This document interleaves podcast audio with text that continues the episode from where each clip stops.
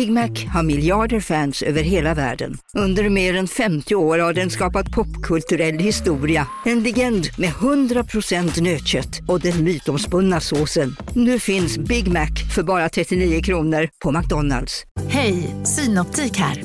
Livet med glasögon ska vara bekymmersfritt. Därför får du 30% på alla glasögon när du väljer Synoptik All Inclusive. All service ingår alltid. Välkommen till Synoptik. Okej hörni, gänget. Vad är vårt motto? Allt är inte som du tror. Nej, allt är inte alltid som du tror. Nu täcker vårt nät 99,3 procent av Sveriges befolkning baserat på röstteckning och folkbokföringsadress. Ta reda på mer på 3.se eller i din 3-butik.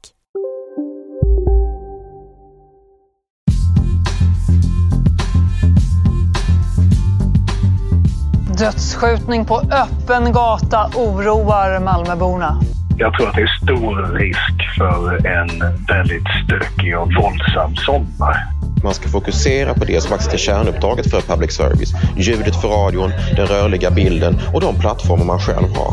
Det ser, eh, eh, för att vara ärlig ut, inte så bra ut vad gäller möjligheten att nå en, en eh, överenskommelse här till Europeiska rådet. Hej, hallå! Veckopanelen är här igen. Den vecka som ligger bakom oss snart är kanske inte den mest nyhetstäta vi har upplevt under våren och försommaren, men vi har ändå hittat spännande trender och händelser som vi ska fördjupa tillsammans med vår panel. Som den här veckan består av en ex-politiker och två politiska redaktörer. Sex personer sköts ner i Malmö i måndags kväll och tre av dem är nu döda. Hur ska den här totala bristen på respekt för medmänniskor och mänskligt liv bemötas? Public service är i fokus. I tisdags kom sista delen i utredningen om allmänradion och TVns framtid. Hur mycket ska de med miljarder av skattepengar i ryggen tillåtas konkurrera med de privat finansierade medierna som går på knäna, många av dem? Och metoo-revolutionen rullar vidare nu i domstolarna, senast med åtalet mot den så kallade kulturprofilen. Men vad händer när mediernas vittnesmål möter juridikens hårda beviskrav? Det är våra diskussionsfrågor. Välkomna att lyssna. Jag heter Jörgen Wittfeldt.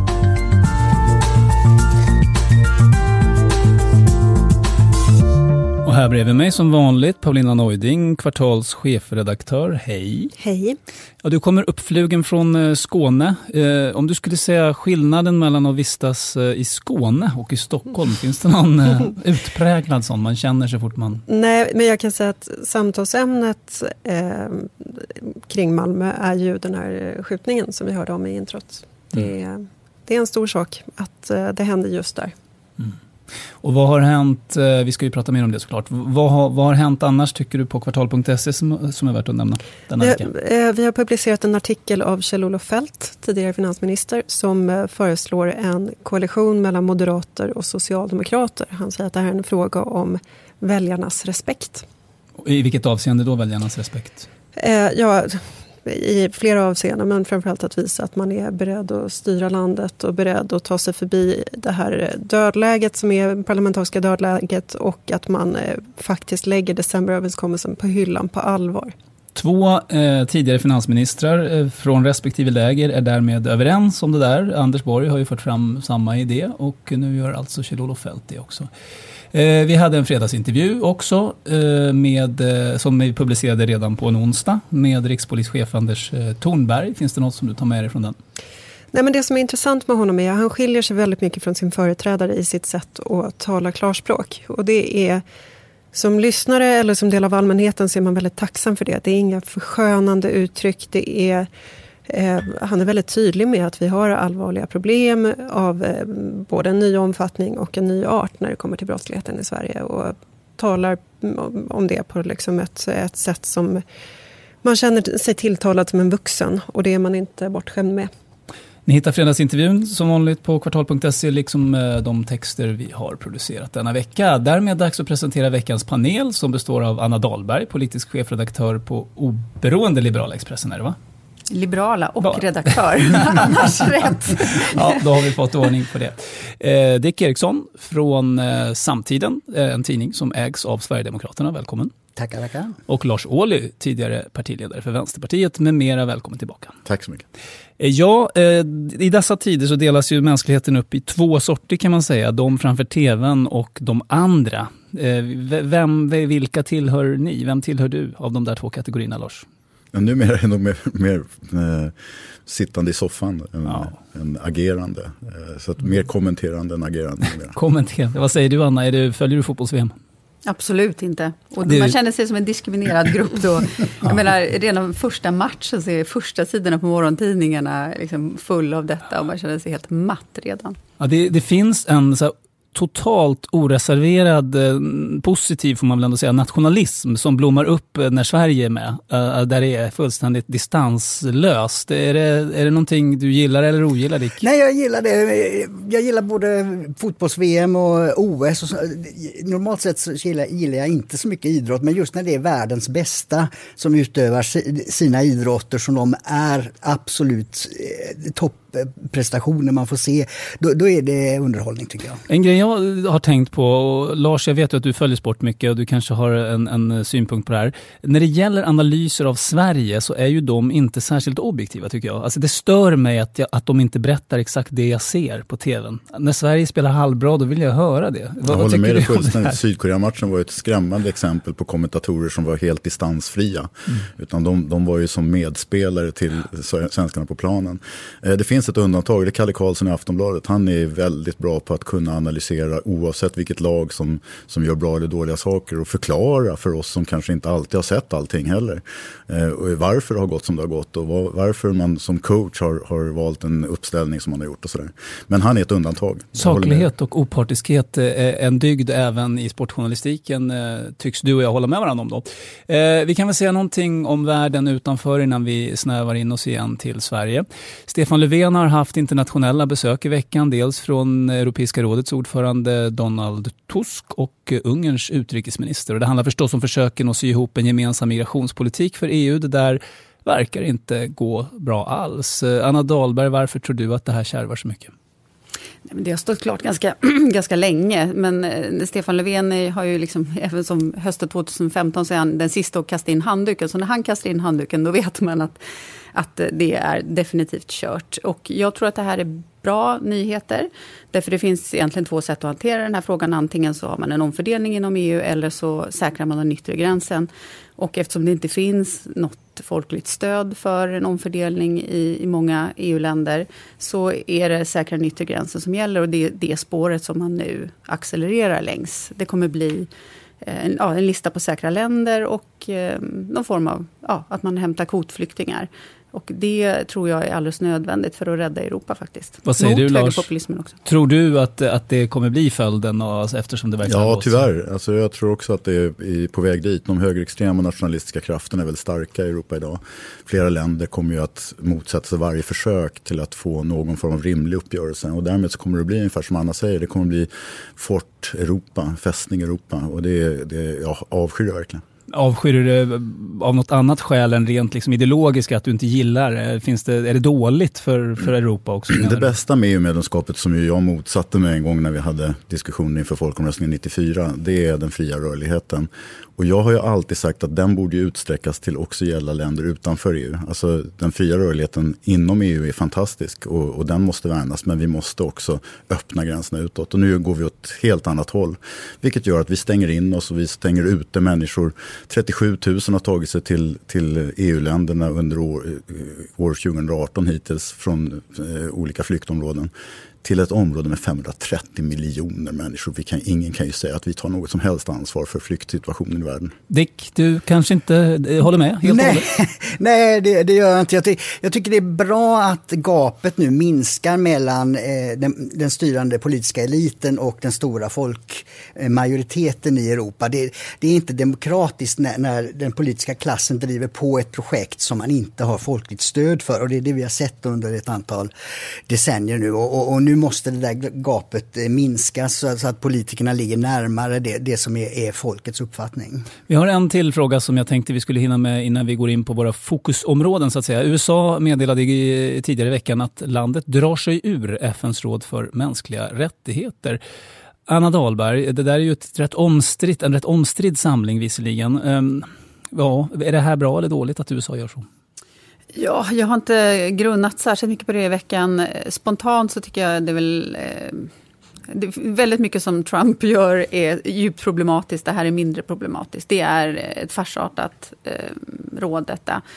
Eh, som ju inte alls lever upp till namnet. det är farsartat för att det är en del länder ja, som nej, ingår ja, där som... det är ju snarast så att det är världens värsta förtryckarregimer som, som, eh, ja, som syns i det här rådet gång på gång. Så det är klart att det fyller ju inte alls den funktion som man vill. Och eh, jag tar gärna strid med Trump-administrationen om annat. Okej, okay, det är så att eh, du är inte jätteentusiastisk men tycker att eh, Trump gör betydligt farligare och värre saker än det här. Vad säger du Lars, är det här någonting att bry sig om? Ja, det är olyckligt.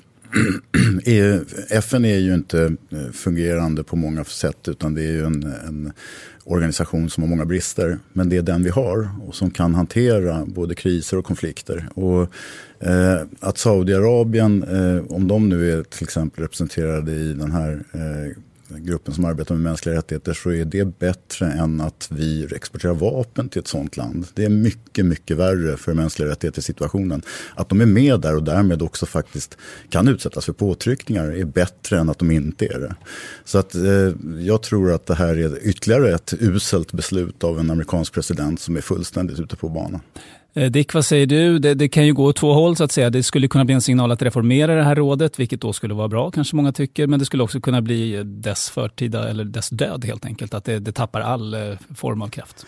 Ja, eh, och det kanske är bra för att det, det, som är problemet med FN är ju att jag tycker man kan se över åren att FN på något sätt legitimerar odemokratiska regimer. De som tillgriper korruption och, och, och, ja, allt det som vi anser är dålig eh, politik. De legitimeras, de statsledningarna legitimeras av FN och inte minst av det här rådet. Och det, det tycker jag att FN måste sluta med. Att det, det, det måste bli liksom att man håller på eh, de här grundläggande stadgarna och i första hand rikta det mot eh, statsledningar. Jag, jag, har länge tyckt att man ska ha ett, ett demokratiernas eh, förbund istället för FN. Där bara de som uppfyller vissa kriterier av att, att vara demokrati och upprätthålla eh, en rättsstat får vara med. Det kan bli tuffa gränsdragningar. Ja, det kan vi har EU där, det gillar inte SD. EU fyller den funktionen alldeles utmärkt. Ja, men där har man inte de inre eh, strukturerna för, för demokrati eh, inom EU så att säga. Ja, det är en stor och annan debatt. Får jag bara säga det, jag satt i den här KEX-utredningen som handlar om krigsmaterielexport där vi skulle ta fram ett demokratikriterium mm. som skulle vara vägledande för vart vi skulle kunna exportera krigsmateriel. Det är en helt omöjlig uppgift och, och liksom, det finns en skala från, det finns nästan inga rena diktaturer, nästan inga rena demokratier mm. utan alla ligger någonstans på skalan. Det är en helt omöjlig uppgift och liksom, vem ska bestämma det? Det går inte. En eh, snabb runda veckans person. Vem och varför? Har ni hunnit tänka på det Lars? Ja, jag eh, valde Ahmed Abdirahman. Eh, jo, just det. Det är Järvaveckan. Ja, mm. han är, är, en av de som har grundat och arrangerar eh, Järvaveckan. Som jag ser till min glädje nu faktiskt har, har nått fler människor än tidigare. Har fått mer uppmärksamhet än tidigare. Och som dessutom gör det på ett bättre sätt än vad Almedalen har utvecklats till. Att det, det, I fokus är det politiska samtalet. Och jag tycker att det är värt att uppmärksamma de som tar sådana initiativ i förorten och, och Ahmed har gjort det. Mm. Eh, Dick, har du någon kandidat? Nej, med tanke på det så får Andreas Granqvist då, Granen. Han kom okay. med i världslaget här nu efter första omgången i VM. Och det har ju varit fokus för väldigt många människor, det, det som hänt eh, i Ryssland. Och Anna, har du någon? Jag inser att jag inte har gjort min hemläxa. Ah, alltså. jag har missat okay. något mejl här, så här jag, jag, passar. Paulina, eh, du visar upp en, en, en liten bild från din telefon till mig på Donald Trump. Är han veckans person? Nej. Nej, men vad vi inte får glömma att ta upp, som vi pratade om precis innan vi gick in i sändning, att eh, den här ohyggliga eh, policy som man eh, har avslöjat med USA, att man delar på barn och föräldrar vid gränsen. Eh, det tror jag inte vi kan förbigå utan att prata om det. Och var, varför är det så ohyggligt? Eh, alltså jag frågar dig för att du ska ge ett eh, utförligare svar. Nej men därför att det är ett brott. Vad ska man säga? Det, det, liksom, det finns, det finns inga, inga som helst ursäkter för att använda föräldrars skräck för att separeras från sina barn som en, ett liksom verktyg för att minska ner migrationen. Det, det, är, en, det är ett brott helt enkelt. Är det det som är syftet? Eh, det uttalade syftet att eh, få färre personer att söka sig eller försöka komma ja, in Vad som är uttalat eller inte är ju lite höljt i dunkel, men eh, det är det man kan förmoda att det är.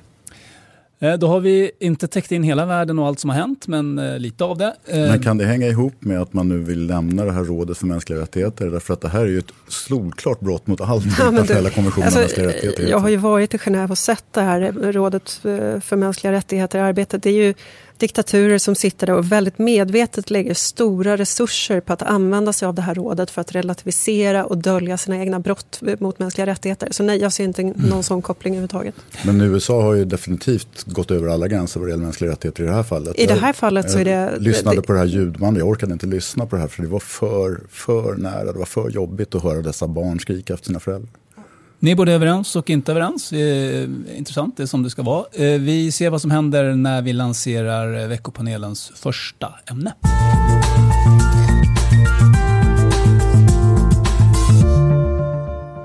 Ja, efter en tids relativt lugn brakade det loss med dödsskjutningar i Malmö i måndags kväll. Sex personer sköts, tre av dem eh, avled. Och när jag intervjuade rikspolischefen om hans syn på problemet med dödsskjutningar eh, med den typ av vapen som ofta används sa han bland annat så här.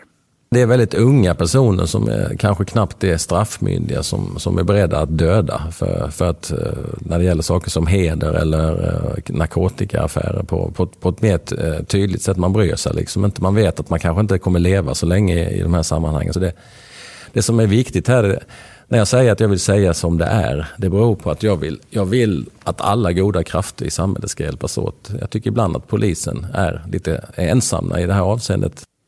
Anders Thornberg, alltså. Eh, Anna Dahlberg, vad tänkte du när du nåddes av den här nyheten om det som hade hänt i Malmö? Ja, jag är väl en av de som intecknar lite det här att det är lite, jag kan inte säga att det är normalt med tre, tre skjuts ihjäl, men att sånt här kan hända i Sverige idag. Såväl eh, politiker som polis har ju flera gånger talat om att det har lugnat ner sig i Malmö och fått det lite grann att låta som att de har gjort någonting rätt. Tror du att det lugn som, som rådde tidigare hade med polisiära och pol politiska åtgärder att göra eller var det kanske andra saker? Jag tror att det hade det. Eh, jag har själv skrivit det. Det har varit väldigt många häktade personer ur gäng, den gängkriminella miljön. Så jag tror kanske snarare att benchmarken ska vara hur hade det sett ut om de också var ute. Mm. Sen kan det ju vara så att det uppstår vakuum när eh, några ledande gängkriminella åker in. Ja, då kan det finnas de som vill flytta fram sina positioner och så. Så det, det kan också vara något sånt vi ser. Men att den här eh, eh obligatoriska häktningen då, eh, som genomfördes vid eh, årsskiftet tror jag är alldeles utmärkt. Att eh, det ändå på, på marginalen gör att man är lite mer varsam med att åka runt med skarpladdade vapen. Det slog mig att jag har inte sett hur många sådana där eh, rättsfall vi har haft. Är det någon i panelen som har sett att det har häktats väldigt många människor på, på de här grunderna? Är det någon som vet? Nej, jag har, inte, jag har inte kontrollerat det exakt, men det finns de som är häktade på den, här, den grunden. Sådana här nyheter tenderar att försvinna i flödet också. Alltså det har ju varit, eller jag kan ställa en fråga istället. Hur många vet hur många explosioner det har varit i Malmö de senaste 30 dagarna? Nej, Nej jag, precis. Jag fick googla, det var tre stycken som jag kunde hitta. Så att det, det sker ju en normalisering och en tillvänjning här. Att vi har inte riktigt koll på exakt vad som händer. Därför att det här är liksom hund vet man lite grann. Anna, vad tror du skulle behöva göras då? Jag skriver mycket om det här. Jag mm. tror att det är Ehm, jag menar, det finns väldigt mycket när man pratar om orsaken kring det här. Vad är det? Så är det liksom man letar väldigt mycket och väldigt långt. Eh, en del säger det är knarket, andra säger det är de illegala vapnen. Men inget av det här förklarar ju varför Sverige sticker ut. Varför är det inte... Det måste väl vara lika mycket knark och illegala vapen som passerar liksom Tyskland eller något annat land. Vi sticker ut på några sätt och det är ju dels att vi har haft en eh, den största asylmottagningen eh, i Europa sett till per capita och vi har också haft en väldigt fri bosättning så vi har fått parallellsamhällen på ett annat sätt än vad man har haft i andra länder där man har styrt var människor har hamnat. Och sen sticker vi ut i ett eh, tredje avseende och det är att vi har en ineffektiv polis. För ett ineffektivt rättsväsende, väldigt, väldigt låg uppklarning. Eh, de här, det här är ju det som gör att vi sticker ut och som jag tror tillsammans förklarar Eh, det hela. Och det är väl någonstans som har gjort den analysen. Vilka är de här gängkriminella och ser att de har koppling till de här socialt utsatta områdena.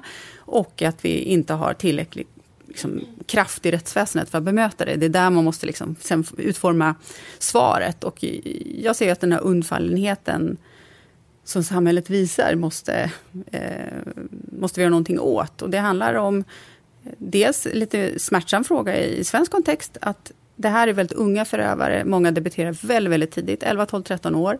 Eh, när de har blivit 21 och liksom är redo för fulla straff så att säga, i Sverige, då då har det gått väldigt, väldigt långt. De har varit yrkeskriminella eller livstidskriminella under väldigt lång tid. Eh, här måste vi ha en diskussion tror jag, men jag märker att den liksom inte riktigt kommer till stånd. Att man måste kunna frihetsberöva unga personer. De ska naturligtvis inte till, helst inte till normala häkten, utan eh, vi måste ha en infrastruktur för att det kan inte vara så att det är socialtjänsten som ska ta hand om 17-åringar eh, som begår, begår grova personrån. Utan för, Nej, de måste, de måste helt enkelt omhändertas. Idag är det socialtjänsten som har det ansvaret. LVU har liksom mer eller mindre kollapsat på många håll. Eh, och det blir väldigt mycket samtal. Det blir, liksom, det blir inga konsekvenser. Och vi har inte riktigt heller tidigare haft den här typen av kriminalitet som är så koncentrerad till vissa områden.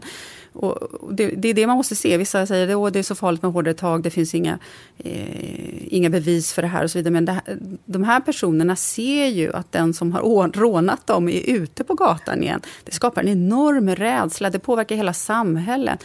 Och det blir liksom miljöer där det är svårt att lyckas i skolan, men jättelätt att lyckas som kriminell. Vi spelar in, Allt det här måste vi Eh, måste vi. vända på. Eh, vi spelar in dig, Lars Ohly, eh, som möjligen har en, en avvikande uppfattning om vad, vad som behöver göras. vad säger du? Alltså jag tror att man tenderar att leta argument när man ser sådana här hemska händelser som den i Malmö och ser en utveckling där man uppmärksammas på grov kriminalitet på ett sätt som man kanske inte har gjort tidigare. Att man tenderar att söka argument som stämmer med vad man själv tycker. Och det tycker jag att Anna Dahlberg gör nu. I vilket avseende? Eh, alltså, det här är ju inte några asylsökare. Den statistiken kan du inte ha fått fram. Absolut alltså, inte, det är andra det, generationen. Eh, men det är, det är under liksom, tio vi, vi har haft en högre mottagning av asylsökande i Sverige. Det är inte ett skäl till att det sker gängkriminalitet Inte ens om man drar ut eh, tidsperspektivet nej, lite och tänker nej, att det, det här är... Ingen forskare skulle stödja något sånt. Alltså, ingen kriminolog mm. skulle säga att det finns... Men vad tänker du då? Att det, det, vad, vad det finns nog sådana kriminologer som stödjer det också. Men alltså, om man säger att det finns en generation två och tre nu som växer upp i utanförskap eh, med Eh, och där liksom det skapas en typ av kriminalitet som går efter klanmönster, efter familjemönster.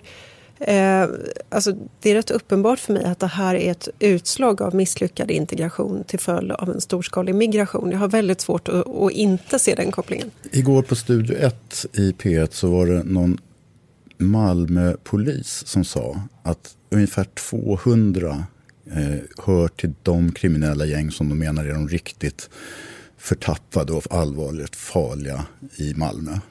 Av en befolkning på, vad har de, 340-350 000 invånare. Det var han Stefan Sintéus, han menade väl liksom de, de ledande, de som de skulle ta in? Ja, jag fattade det som att det var de som farliga, liksom. ah, okay. det var, det var mm. 200 ungefär. Det, kan, det, det, är möjligt att den siffran, jag kan inte gå i god för den, men, men han är ändå polis och bör ha bättre koll på den än vad jag har. Och det kan väl ligga där någonstans. Eller det kanske är lite fler, lite färre. Men, men det är liksom att då säga att det här är ett problem med utanförskapsområden. Hur många människor bor i de områden som ni kallar utanförskapsområden i Malmö? Är det 200? Mm. Nej, hur, hur? Det, det, är, det är alltså 100 000. Men låt oss ta... Liksom, och hur många av dem skulle våga vittna om de ställdes inför de här killarna? Alltså det, finns det är ju de som är påverkade av det här, ja, mm. precis. Jag förstår inte din, din poäng. Alltså, det, det, är de här människorna poängen som, är den att... Eh, som är offren för det här. Att det här är... Det är ett misslyckande att vi har en grov kriminalitet Eh, som yttrar sig på det här sättet. Och det är förfärligt. Och, och eh, jag har en dotter som bor i Malmö. Jag, blev ju, jag fick ju direkt liksom, hjärtat i halsgropen när jag hörde om det här bara därför att man, man, man, man kopplar ju direkt till liksom, vad har det hänt på gatan i Malmö? Det kan ha hänt vem som helst, liksom, kunna ha gått förbi och, och, och, fått en kula i sig. Så man blir ju väldigt upprörd.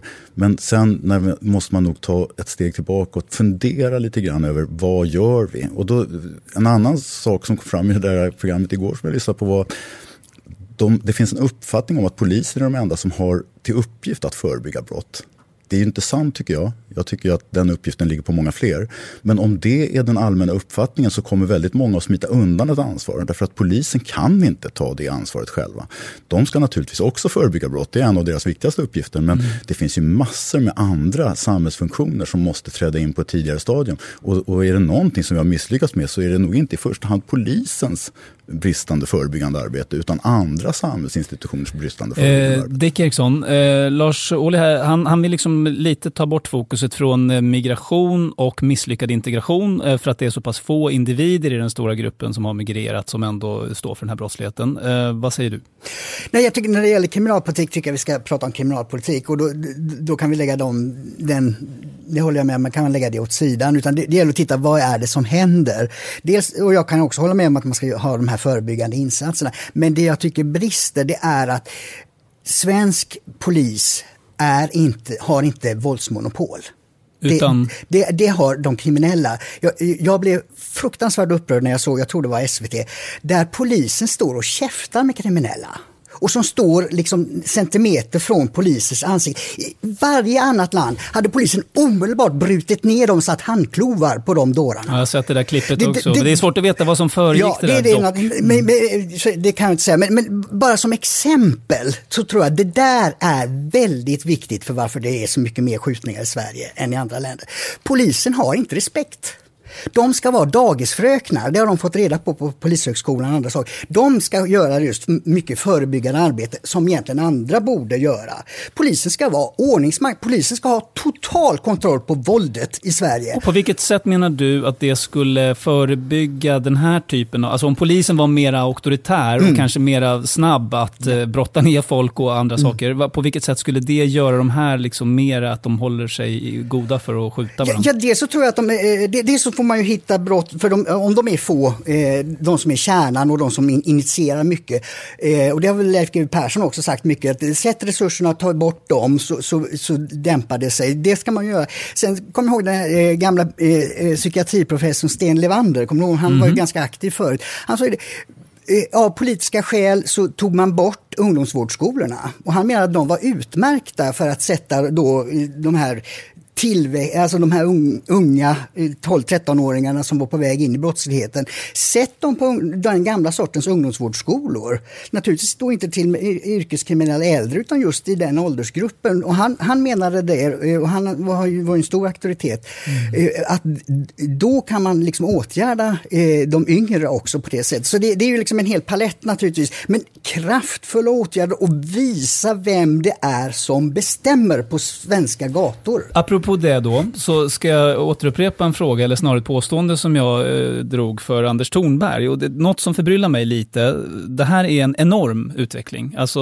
eh, en otroligt allvarlig sådan, det tror jag alla är överens om. Varför blir det inte någon form av kriskommission, som liksom där alla goda krafter samlas och verkligen tar denna... Alltså I Norge har man haft en, det är inte exakt samma sak, man har haft något som heter Brockman-rapporten och den handlar ju om misslyckad integration. Jag säger inte att man måste ha det fokuset här, men, men om man koncentrerar sig på skjutningarna. Alltså är det, håller vi på att vänja oss vid en situation som är absurd? Och borde vi inte i så fall ta i mer? Frågan dominerar väl i och för sig eh, dagordningen, det får man väl säga. Men sen så tycker jag att det finns lite av ett slags eh, alkoholistbeteende i svensk debatt. Det är att liksom, oj, oj, oj, nej, nu har det gått för långt. Och, och idag till exempel är, är, väldigt många allvarsord från väldigt många debattörer. Men sen hinner det inte gå många veckor innan det är så här, nej, det är för mycket tal om hårdare tag. Och det, har, det är väl lugnt och skönt i Sverige, vad är, vad är problemet? Och, och, och så är vi där igen på något sätt. Det, det, det, det, är så hela tiden tycker jag. Att det, det, är bara dagarna efter att någonting har hänt som, men, som det blir någon slags allvar. Alltså, jag kanske är dåligt informerad men vad jag har förstått så har ju inte den grova brottsligheten ökat sett över tid om man ser från 90-talets början och fram till nu. Eh, även om det finns fluktuationer mellan år så finns det liksom inte någon spikrak tendens som att det har blivit mycket, mycket värre. Eh, vi har blivit fler och därmed har brottsligheten eh, något kvantitativt ökat. Men antal grova brott per capita har väl inte ökat vad jag har förstått. Ett brå eller ett kriminologer och sådär. Alltså, eh, man ska väl ändå försöka hålla sig någorlunda till, till vad som händer. Och ska man ha en kriskommission då ska man väl ändå säga att det här är någonting helt nytt eller någonting mycket värre än det har varit tidigare. Eh, däremot så håller jag med om att vi behöver diskutera hur vi ska komma till rätta med den här grova brottsligheten som ju är helt eh, hemsk. Både den som skedde i Malmö i veckan men som också har uppträtt både i Stockholm och Göteborg tidigare. Att det, det är någonting som vi måste diskutera hur vi ska komma till rätta med. Men en kriskommission, då ska det väl ändå behöva vara någon kris. Ja, jag tänker att, eh, Paulina, du ska snart komma in. Jag tänker, mm. eftersom du adresserade mig där, jag tänker att eh, arten liksom, av, av brottslighet och, och risken för att tredje man drabbas och för att det ballar ur helt när man börjar skjuta på ett internetcafé. Det är väl lite mer så jag tänker. Inte så att antalet mördade nödvändigtvis måste vara så mycket högre än för 20 år sedan. Det Thornberg sa som jag tror är väldigt viktigt, det är ju att det finns en risk att man har kommit i ett läge där man inte längre har respekt för människoliv på ett sätt som man ändå i större utsträckning hade tidigare. Det kan stämma. Därför att vi ser alltså just den här typen av brott som kanske inte var särskilt vanliga förut. Va?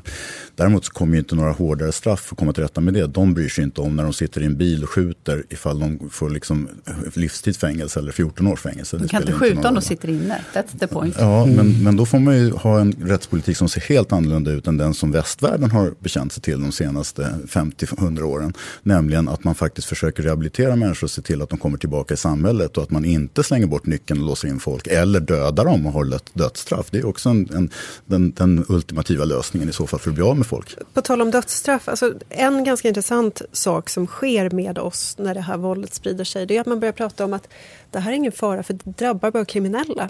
Så att man eh, liksom tröstar allmänheten och lugnar allmänheten med att säga att ja, men det är ju inte folk som du och jag, det är ju folk som har gett sig in i det här frivilligt. Eh, det här tycker jag är ett ganska tydligt tecken på hur det här förändrar oss och hur det här brutaliserar oss som samhälle, att det överhuvudtaget är ett argument. Ja, men bry er inte om det här, de som dör, de är ändå bara kriminella. Mm. Jag håller med, det är ett uselt argument. Det, det, det, är inget ja, argument alls. Vi håller med varandra idag. Ja, ibland hamnar vi fel, både du och jag.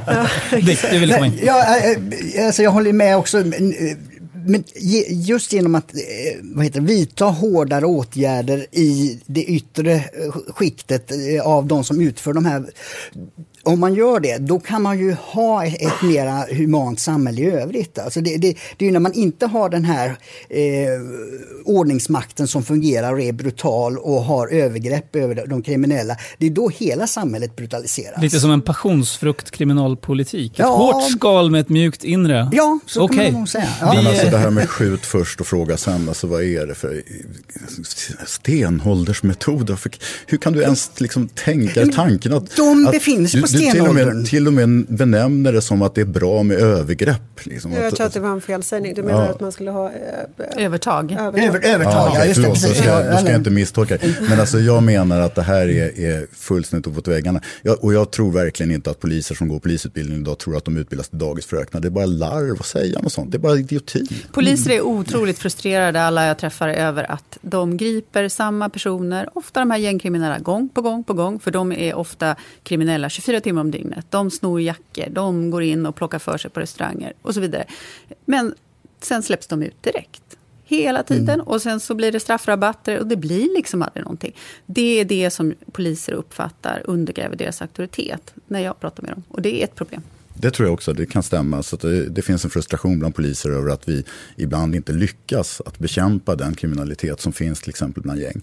Men jag tror inte att, det, eh, att man kommer till rätta med det genom att påstå att poliser utbildas till dagisfröknar.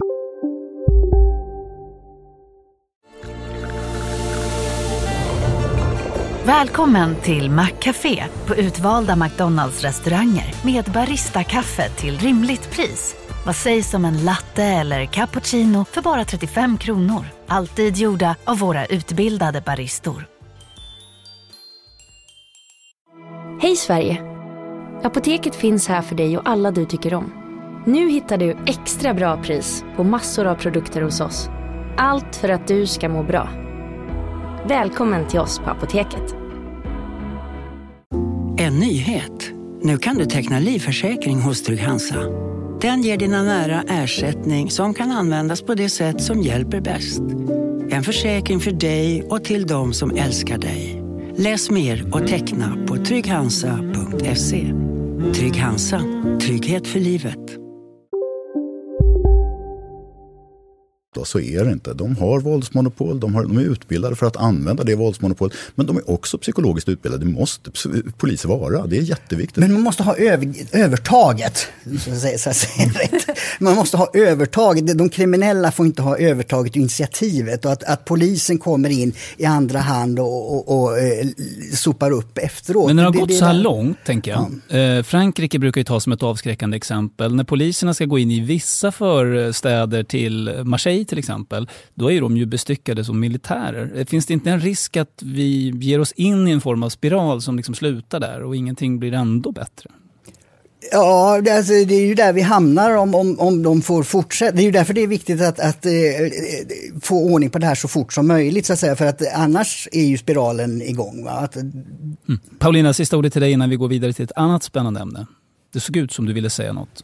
Eh, jo, nej, men jag tänkte på det här som Anna sa, att det ska bli, eh, man ska få liksom en reaktion från, från samhället med en gång. Och här tror jag att det finns en, att man glömmer bort vad det är för profil ofta på de här killarna rent psykologiskt. Alltså, ofta är det här killar som har dålig impulskontroll, som behöver liksom en omedelbar reaktion från samhället.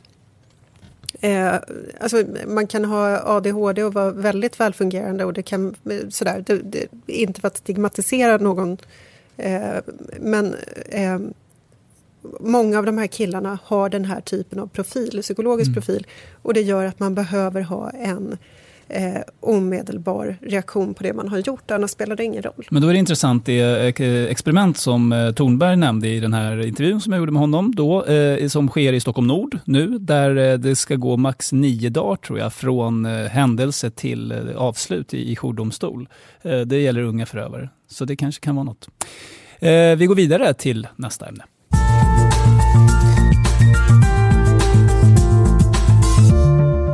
För i veckan presenterades slutrapporten från den så kallade public service-utredningen. Eh, den kom bland annat fram till att SVT, Sveriges Radio och UR måste ha större lokal närvaro, eh, men framförallt kanske att bolagen ska fokusera på sina kärnområden. Vi ska lyssna på två av de politiker som deltagit i utredningen. Först hör vi moderaten Olof Lavesson och därefter Sverigedemokraternas representant Angelica Bengtsson som förklarar varför hennes parti inte fullt ut stöder det tidigare förslaget om att gå över till en skattefinansierad public service. Att vi tar första stegen för att anpassa public service villkor för ett nytt digitalt mediesamhälle. Och i det samhället är vi tydliga med att man ska fokusera på det som faktiskt är kärnuppdraget för public service. Ljudet för radion, den rörliga bilden och de plattformar man själv har. Man måste också säkerställa att det är oberoende, att det är opartiskt och att det är sakligheten som ligger till grund för public service arbete. Så är inte fallet idag och därför kan vi som sagt inte stötta en skattefinansiering. Angelica Bengtsson, eh, sist kulturpolitisk talesperson för Sverigedemokraterna och Dick Eriksson, du står nog ändå Sverigedemokraterna närmast här inne. Eh, vad tror du att hon framförallt syftar på när hon anklagar public service för att inte vara opartiskt och inte vara sakligt? Ja, det syns ju i, i mätningen av eh, förtroendet för public service att eh, eh det sjunker inte om man står till vänster men, men eh, hos andra väljargrupper så sjunker förtroendet för, för public service. Och, och ja, jag har ju min egen subjekt subjektiv uppfattning och, och, jag tycker att det väldigt ofta är eh, partiskt. Kan, kan du ge något exempel eller någon, någonting som gör att det blir mer konkret? Ja, det, eh, vad ska man ta? Det är så svårt att hitta något. Något ämnesområde, vad som helst som eh, snävar in oss lite grann. Eller så här, är det migrationen eller är det någonting annat också? Nej, jag tycker det är rent generellt, för det gäller ju också eh, när det gäller ekonomisk politik så, så, så, så är det också, ja man kan ju ta det här eh, humorprogrammet om, om vinster i välfärden, det var, var ju rätt omdebatterat här i våras. Alltså även i underhållningsprogrammen så smyger det sig in liksom en eh, ja, uppfattning som Lars Ohly gärna håller med om, med, med liksom att vinster i välfärd det är eh, Eh, bara ocker och, och, och liksom, eh, onda saker så att säga. Att man, man har den självklara impulsen att det, att det kommer därifrån. Va? Eh, och ibland väcks detta upp med att någon annan får kommentera då som har en annan uppfattning. Men, men ofta är, är det där utgångspunkten. Och vi kan ju ta Jonas Röst som, Röst som du hade. Joakim Röst, ja. ja mm. just det. Hans in, eh, intervju i Aktuellt tycker jag är ett utmärkt exempel på hur, eh, hur då public service-redaktionen bakom programledaren när man arbetat med frågeställningarna hade ju eh, liksom forskningens, eh, intresset för nyhetsvärdet i forskningen var hur den skulle påverka valet och den politiska debatten. Inte huruvida forskningen var eh, saklig och, och, och vad den visade i, i, om verkligheten, utan hur den skulle tolkas i det, politiken. Va? Kan det vara så att när, man, när en sån här idé eller uppfattning väl har satt sig, att det, att det uppstår en sån här confirmation bias, att man, man letar efter bekräftelse på det man redan tycker sig veta om och så hittar man de här exemplen, men om man ser över rapporteringen överlag kanske det inte är så som till exempel Angelica Bengtsson beskrev det? Ja, naturligtvis, man ser ju det man själv tycker, naturligtvis. det, så är det ju för alla och, och, man glömmer bort det som kanske motbevisar det. Men, men det, jag tycker det är så ofta alltså att det, det ligger någonting. Och, och, och, jag tycker då de här förtroendemätningarna då, där, där, det sjunker i vissa grupper men inte i andra förtroendet. Framför eh, allt bland Sverigedemokrater eh, ja, är det ju. Det där är tydligast. Ja. Och vad, mm. vad förklarar det? Ja, det, jag, jag, tror att det är det att man, man upp, upplever inte att public service eh, förmedlar den verklighetsbild man, man själv ser. Va? Utan det är andra eh, problemformuleringar som, som lyfts fram och, och, det som man själv tycker är viktigt blir inte eh, vikt, lika viktigt. Va? Vad, vad säger du Lars eh, om detta? Jag har ju varit kulturpolitiker, satt i kulturutskottet. Vi har ju hand om, eller kulturutskottet har ju hand om public service bland annat. Eh, och vi hade ju många och långa diskussioner om hur man ska kunna garantera det oberoende och den saklighet som vi kräver av ett, eh, ett eh, public service-företag. Och jag kan ju säga att jag är också upp, det har också uppkommit situationer jag har varit förbannad för att jag tycker att de inte har uppfyllt det här kravet. Aldrig så mycket så att jag har anmält dem.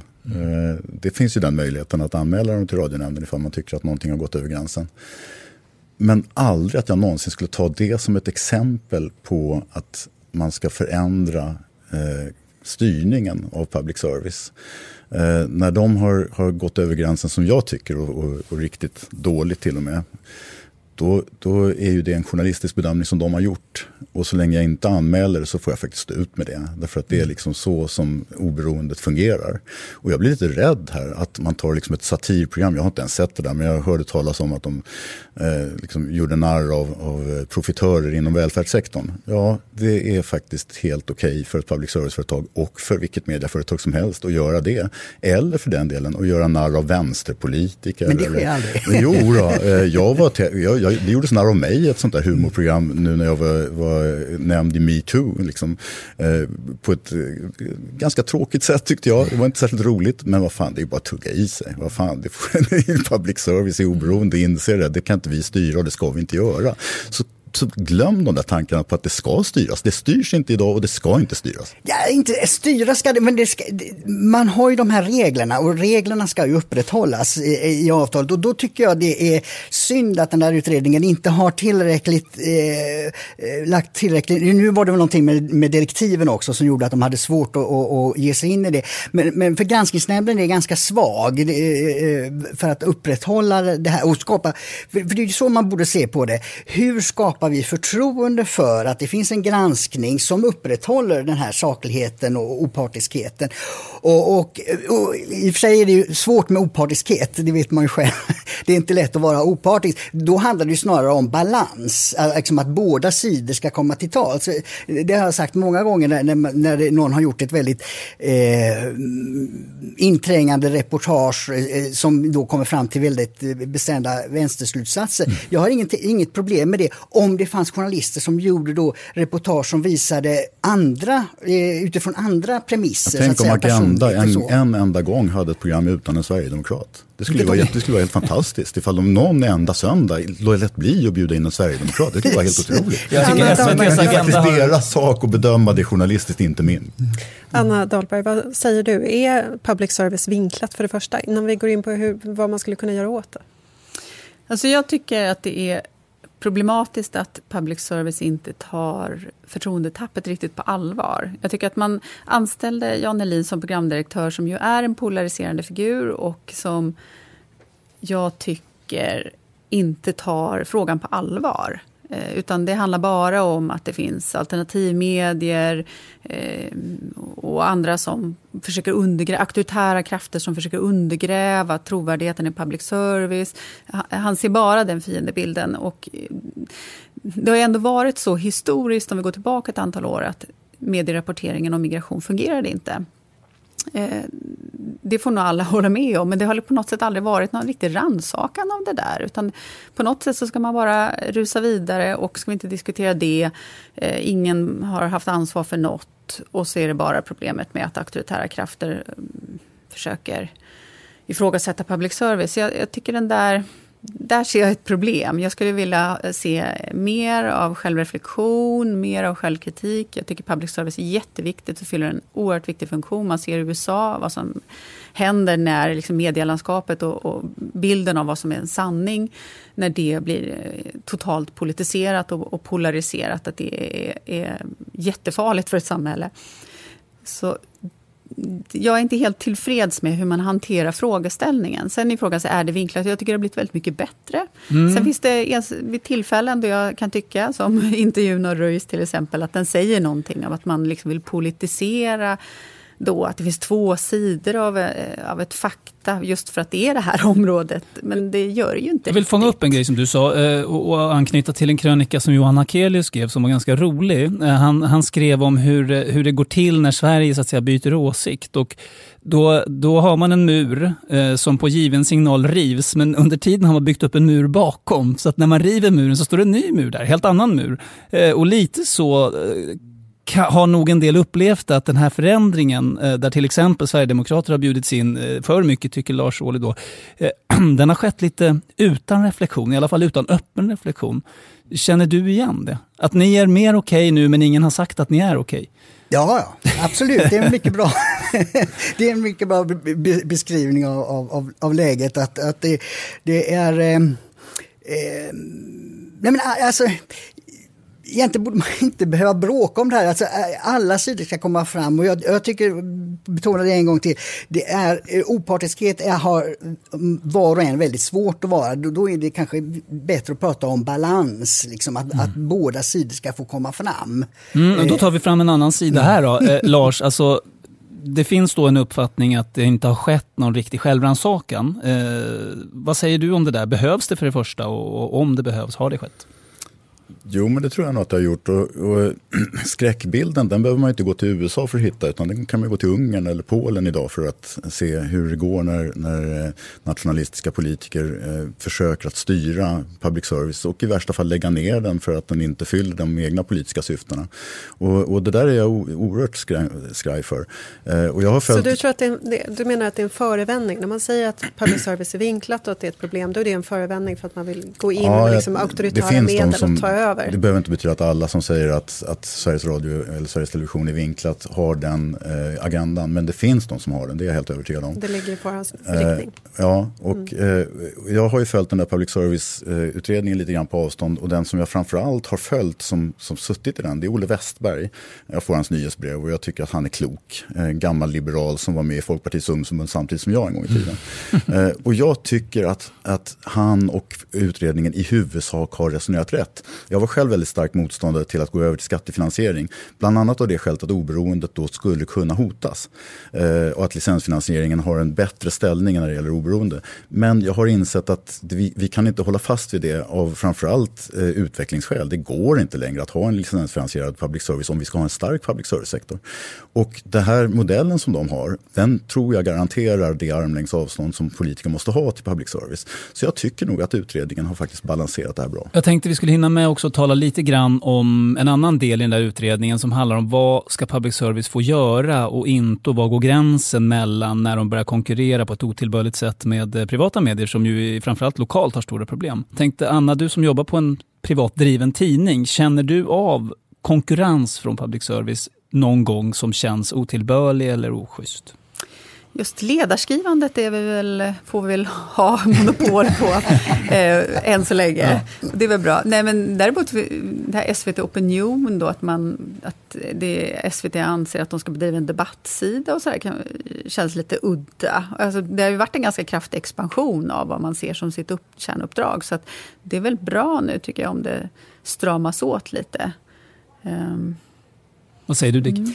Ja, alltså, jag tycker för, för, för att få in en bättre kontrollfunktion här så skulle jag ju vilja, men det kanske är en för stor fråga. Att, jag tycker det här att man lägger 8 miljarder i en klump eh, känns väldigt planekonomiskt att, att eh, någon skulle ha automatisk tillgång. Och dessutom diskuterar man utredningen om det ska vara 2% automatisk uppräkning eller 4% automatisk. Alltså det låter riktigt sovjetiskt. Alltså. Och hur ska man göra istället då? Eh, ja, alltså, man skulle ju kunna ha någon form av upphandling. Alltså att, att man gör olika block, att man gör olika nyhetsblock eller någonting sånt där. Och att olika eh, producenter får eh, lämna offerter på det. Va? Access mm. eller ja, Kvartal eller andra eh, för att eh, göra olika produktioner i radio och tv. Det förekommer ju i viss mån redan. Det är ju så kallad utomståendes medverkan. Till exempel det utmärkta mediegranskande programmet Medierna görs till exempel av ett eh, fristående bolag. Mm. Så det existerar ju. Eh, mm. Men du menar att det skulle vara mer så? Ja, eller? precis. Att det skulle vara mer. För då blir, för det jag vill komma ihåg är det här balansen. Så då, om man har olika redaktioner med olika chefer och ägarstrukturer, då är, det svårare för sådana som mig att anklaga public service för att ha en, en, en samlad eh, vänsterstrategi. Men Lars, då blir ju den här gruppen som då sitter och väljer ut vilka bolag som ska få göra program och vad de ska göra för program, blir inte det bara då risken att just de kanske blir anklagade för samma sak? Ja, jag tänkte säga det, att det är inte din eller min sak Dick, att, att tala om vad man ska upphandla eller inte upphandla. Det det får public service bestämma själva och de upphandlar väldigt mycket redan idag. Eh, men det viktigaste med den här public service-utredningen, eh, det tycker jag ändå är det här förslaget som är dåligt nämligen att regeringen ska ha sista ordet när det gäller till exempel ifall man ska kunna komma ut på nya plattformar eller ifall man ska kunna ta nya initiativ från public service. Den så kallade där, förhandsprövningen? Ja, ja, och där har man ju eh, därmed minskat det armlängds avstånd som politiker ska ha till public service. Alltså mm. tvärt vad man annars talar sig varm för. Och det tycker jag är ett väldigt dåligt förslag. Och risken om Sverige hamnar i en isande lågkonjunktur eller någon annan oförutsedd ekonomisk händelse att politikerna skulle börja röra runt i den där pengapåsen. För, för det skapar ju ett beroende som är ja, osunt. Hur är stor är den? Blir den större nu med skattefinansiering? Eh, ja, något. Eh, och samtidigt, det finns inget alternativ. Därför att licensfinansieringen är på väg ut oavsett vad vi tycker om den. Så det, det var ändå helt nödvändigt att göra den här förändringen. Detta om public service. Eh, då tar vi oss an veckans tredje och sista ämne.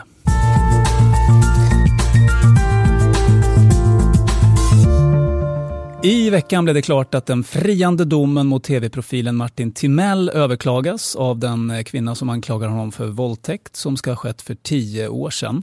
Samtidigt är den så kallade kulturprofilen åtalad för två fall av våldtäkt som även de ska ha skett eh, en tid tillbaka, nästan sju år sedan var det. Vi hör först Elisabeth Massi Fritz, eh, målsägarbiträde till kvinnorna i båda de här fallen och därefter Björn Hurtig, kulturprofilens advokat. Ja, det är en stor dag för min klient idag. Hon är nöjd och hon är väldigt lättad över att det till slut kommer ett åtal.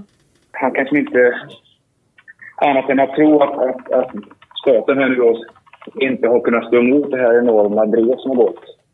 Lite svårt att höra av Björn Hurtig sa, men han menade att staten har inte kunnat stå emot eh, det mediala drevet. Eh, Lars Ohly, du förekom ju som du själv berörde i utkanten av den här rapporteringen under metoo-hösten. Du anklagades för att inte riktigt ha tagit ett nej på det sätt som du borde. Med även det i bakgrunden, vilka är dina reflektioner kring metoo-hösten?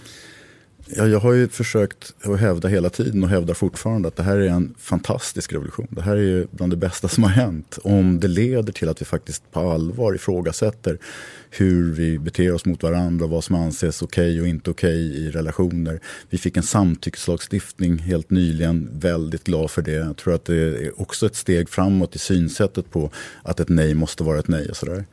Eh, och samtidigt så finns det ju risker med alla revolutioner. Eh, och inte minst som representant för ett tidigare fall revolutionärt parti så kan jag ju säga att revolutioner kan gå överstyr om man inte är väldigt noga med att de måste följa vissa regler.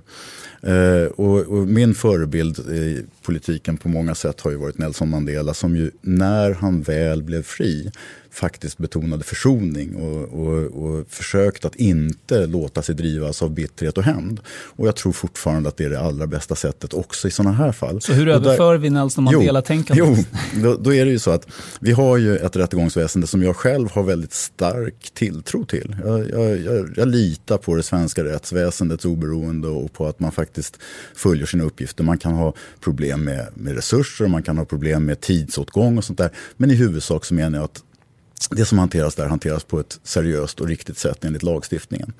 Och låt då de här eh, domstolarna och åklagare, polis och advokater eh, göra upp på det sätt som vi har kommit överens om i rättsväsendet när det handlar om brott som faktiskt är begångna eller som påstås. Men när det handlar om det där Eh, andra då? För jo, sånt jo, men vänta lite, vänta lite. För att, eh, och det är ju de här fallen som du nämnde nu, Mm. alltså, den här så kallade kulturprofilen och Martin Timell. Det är ju två fall där det faktiskt har gått så långt så att någon åklagare har ändå bedömt att här finns det så mycket substans och det här måste prövas. Och man tror också att det finns tillräcklig substans för en fällande dom. För det är ju förutsättning för att en åklagare ska driva det. Bra, eh, och sen får vi se om det gör det. Vad jag kan säga för egen del är att jag vet ingenting om de här fallen. Nej. Fredrik Virtanen, jag, jag har ingen aning om vad han har gjort eller inte har gjort. Jag vet vad han anklagas för. Kulturprofilen, jag har hört ma- mängder av anklagelser, jag vet inte. Men är det då Eh, Martin bra? Timell, jag vet inte vad som hände i badtunnan på hans landställe. och, och, och allvarligt talat, jag ska inte döma. Media ska inte döma. Men domstolarna ska kunna efter en noggrann prövning säga är bevisningen tillräcklig eller inte. Och hur fungerade det här i ditt fall? Alltså, jag är ju inte anklagad för någonting brottsligt. Eller jo, anklagad kanske, men, men det, det var väldigt snabbt eh, överståndet eftersom polisen utan att ens ha kontaktat mig och utan att ens meddela mig skrev av det. Därför att de ansåg att inte ens de uppgifter som de fick in tedde, tydde på att det fanns något brottsligt bakom. Och det kändes ju bra för mig naturligtvis. Men namngivandet ger ju konsekvenser långt utöver det. Och för min del så har det ju lett till väldigt långtgående konsekvenser. Jag har ju förlorat min upp, mitt uppdrag och mitt jobb. Och jag fått, det har varit en jobbig situa- situation helt enkelt. Var det orättvist också? Ja, jag tycker det var oproportionerligt och, och felaktigt. Och då tycker jag att då ska man istället försöka dra ut det bra ur metoo, nämligen att vi börjar diskutera och fortsätter diskutera hur vi beter oss, hur vi får ett samhälle som är bättre eh, skickat att faktiskt hantera relationer mellan människor på ett sätt som vi inte har lyckats med i, i, tidigare. Och låta bli att hänga ut människor om det inte är så att de faktiskt ska till domstol. Då är det rätt. Dick Eriksson, jag vet att du har tankar kring offentligt och privat när det gäller det här. Ja, precis. Alltså, jag tycker det underliggande här finns en väldigt väsentlig fråga som eh, Lars Ohly också berör här. För jag reagerade direkt när metoo kom till något som hände tidigare på hösten där i augusti med, med Anders Borg. Att han hade gått ut på Facebook och bett om ursäkt för att han hade betett sig på en fest.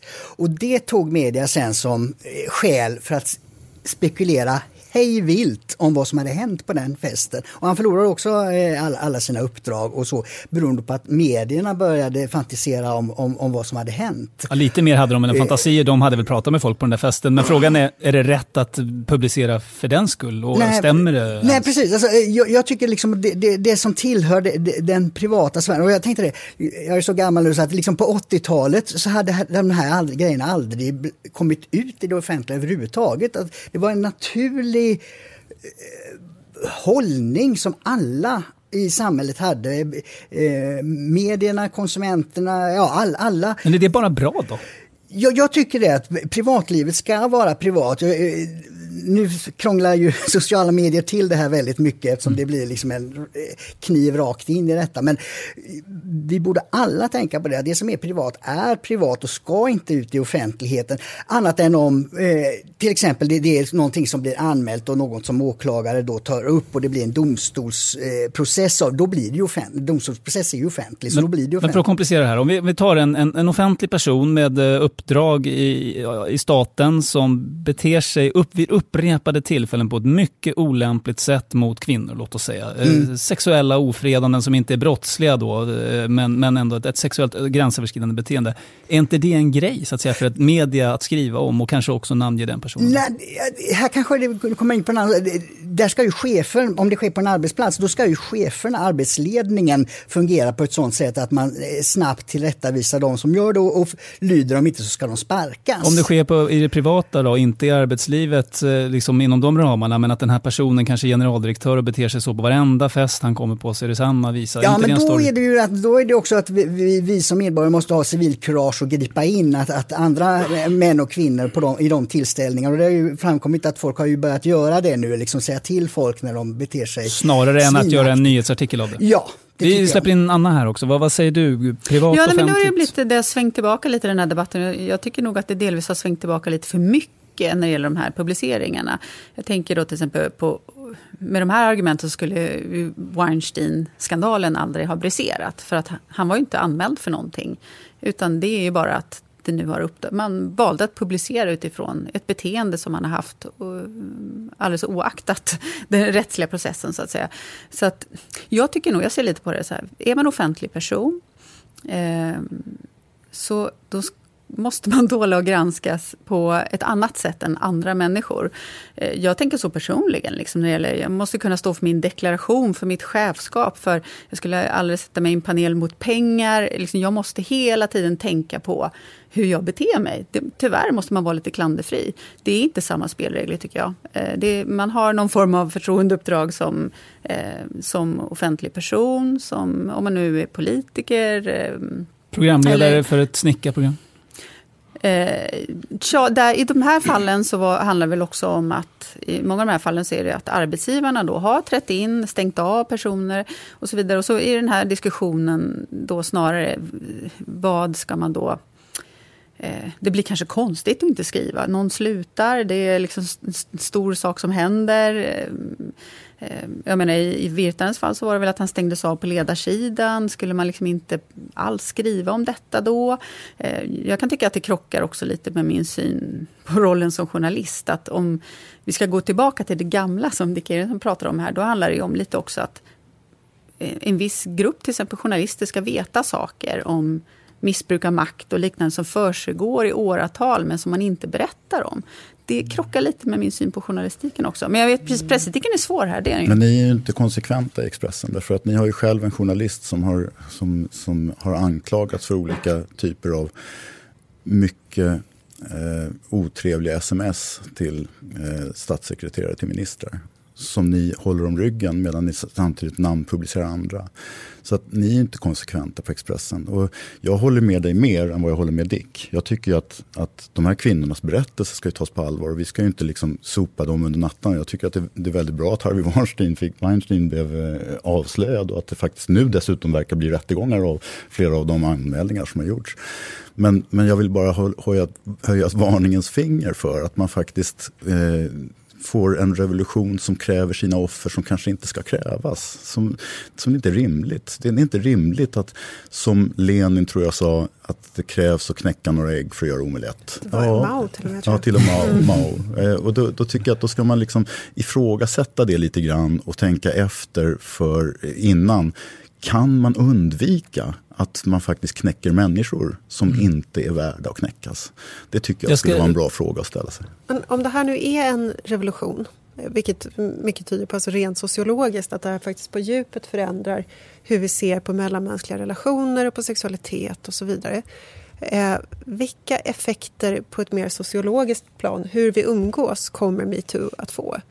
Eh, kan det vara så att män inte kommer vilja vara mentorer för yngre kvinnor till exempel för att det medför risker? Kommer, alltså, hur kommer det här påverka oss på det här mer subtila sociala planet? Jag vet jo. att Jan Guillou sa någonting om att man vågar inte krama kvinnor längre och det, det hånades han för men jag tycker det är, en, det är väl en intressant ja. aspekt. Ja, kommer man finns, våga det? I USA finns det ju arbetsledare manliga som har sagt att eh, de inte går in i ett rum där bara en kvinna är, närvarande utan då, då, ska det vara en, ytterligare en person närvarande. Så att det, det, det, det får ju den effekten om, om eh, man inte kan hantera... Självklart ska ju inte... Eh, målet är ju att ingen ska känna sig kränkt eller eh, bli utsatt för någonting.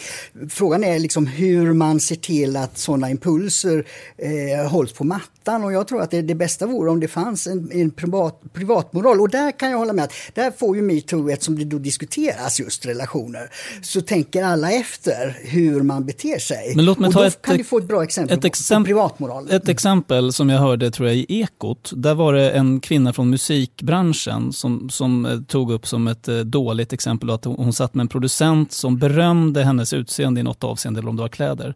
Och hon sa, jag har ingen lust att bli berömd för mitt hår. Eh, jag vill prata musik. Eh, om det går så långt, det vill säga att man inte längre ska kunna ge någon en komplimang, är det, är det bra, tycker ni? Jag kommer att tänka på en kolumn som både jag och Anna faktiskt förekom i. Det var en manlig skribent som skrev om eh, om oss och skrev att Anna hade fint hår faktiskt. det får man gärna skriva. Ja, exakt. Eh, och det, sånt där måste man ju få skriva på något sätt. Jo, men, Eh, ja.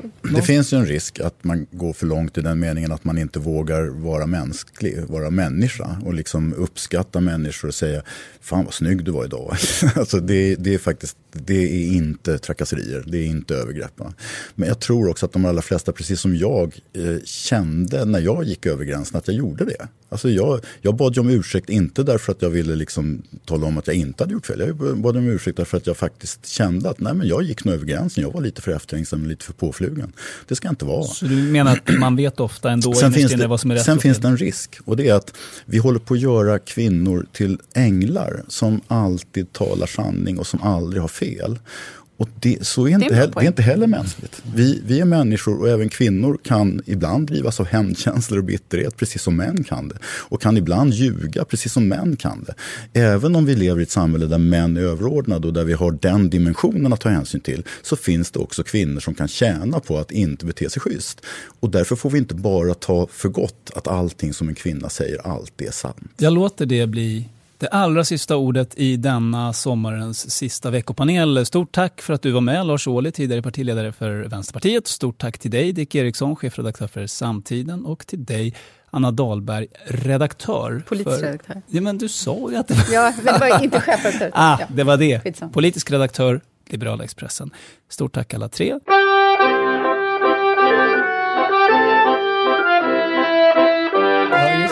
Är midsommar. Återstår bara för mig, Jörgen Wittfeldt och Paulina Neuding att önska er alla en fantastisk midsommar. Och till tonerna av midsommardoftande Kalle Schewens vals vill vi också ta tillfället i akt att tacka er trogna och väldigt engagerade lyssnare för den här våren.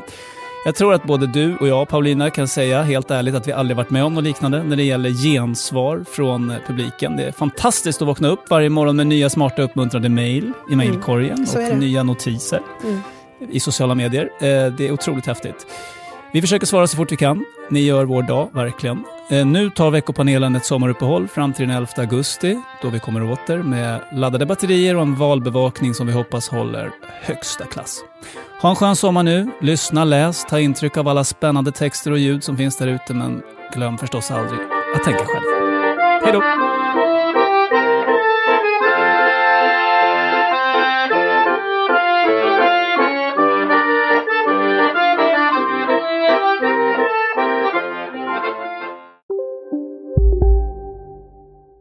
Välkommen till Maccafé på utvalda McDonalds restauranger med Baristakaffe till rimligt pris. Vad sägs om en latte eller cappuccino för bara 35 kronor? Alltid gjorda av våra utbildade baristor. Hej, Susanne Axel här. När du gör som jag och listar dig på en av Krys vårdcentraler får du en fast läkarkontakt som kan din sjukdomshistoria.